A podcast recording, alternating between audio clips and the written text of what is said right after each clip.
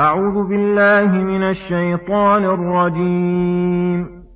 يا أيها الذين آمنوا لا يحل لكم أن ترثوا النساء كرها ولا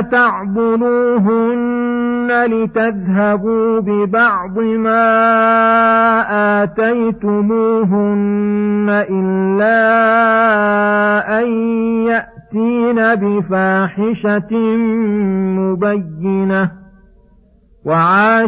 وعاشروهن بالمعروف فإن كرهتموهن فعسى أن تكرهوا شيئا ويجعل الله فيه خيرا كثيرا.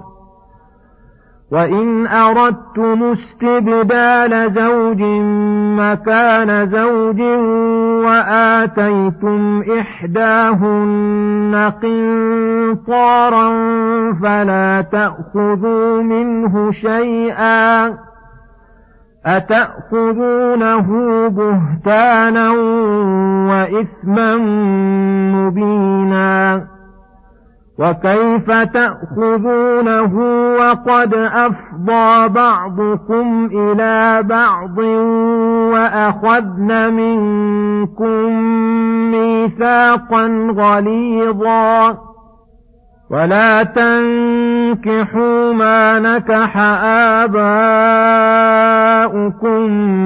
من النساء إلا ما قد سلف إنه كان فاحشة ومقتا وساء سبيلا.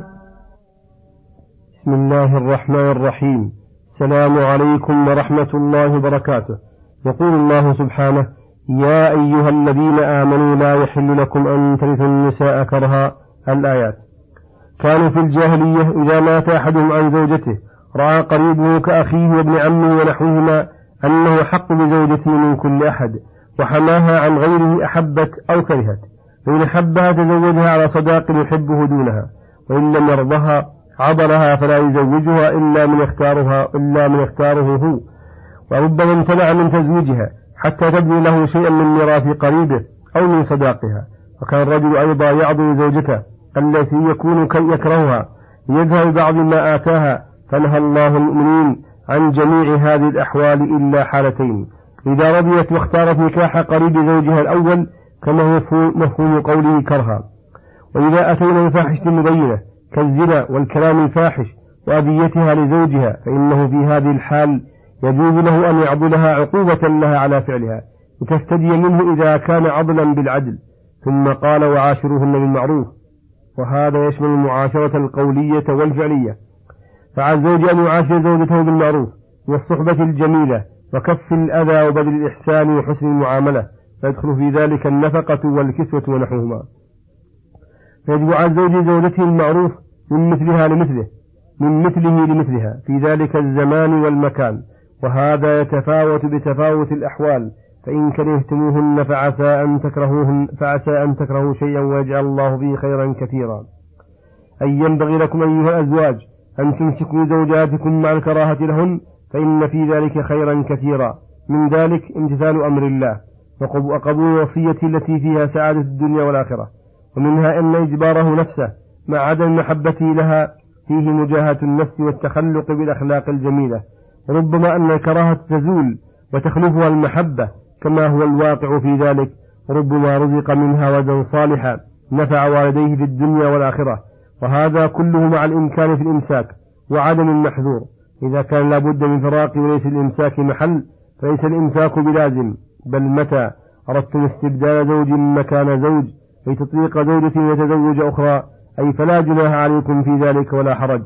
ولكن إذا آتيتم إذا آتيتم إحداهن أي المفارقة أو التي تزوجها قنطارا أي مالا كثيرا فلا تأخذوا منه شيئا بل وفروه لهن ولا تمطلوا بهن.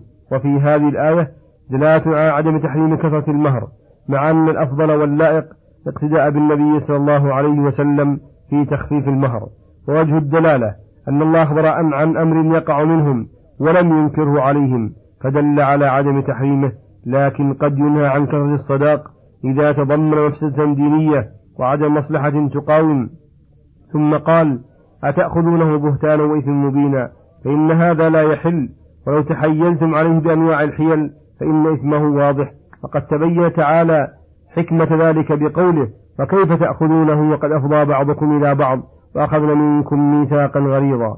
وبيان ذلك أن الزوجة قبل عقد النكاح محرمة على الزوج ولم ترض بحلها له إلا بذلك المهر الذي يدفعه لها. فإذا دخل بها وأفضى إليها وباشرها المباشرة التي كانت حراما قبل ذلك والتي لم ترضى ببذلها إلا بذلك العوض فإنه قد استوفى المعوض فثبت عليه العوض. فكيف يستوفي فكيف يستوفي المعوض ثم بعد ذلك يرجع في العوض؟ هذا من أعظم الظلم والجور. وكذلك أخذ الله على الزواج ميثاقا غليظا بالعقد والقيام بحقوقها.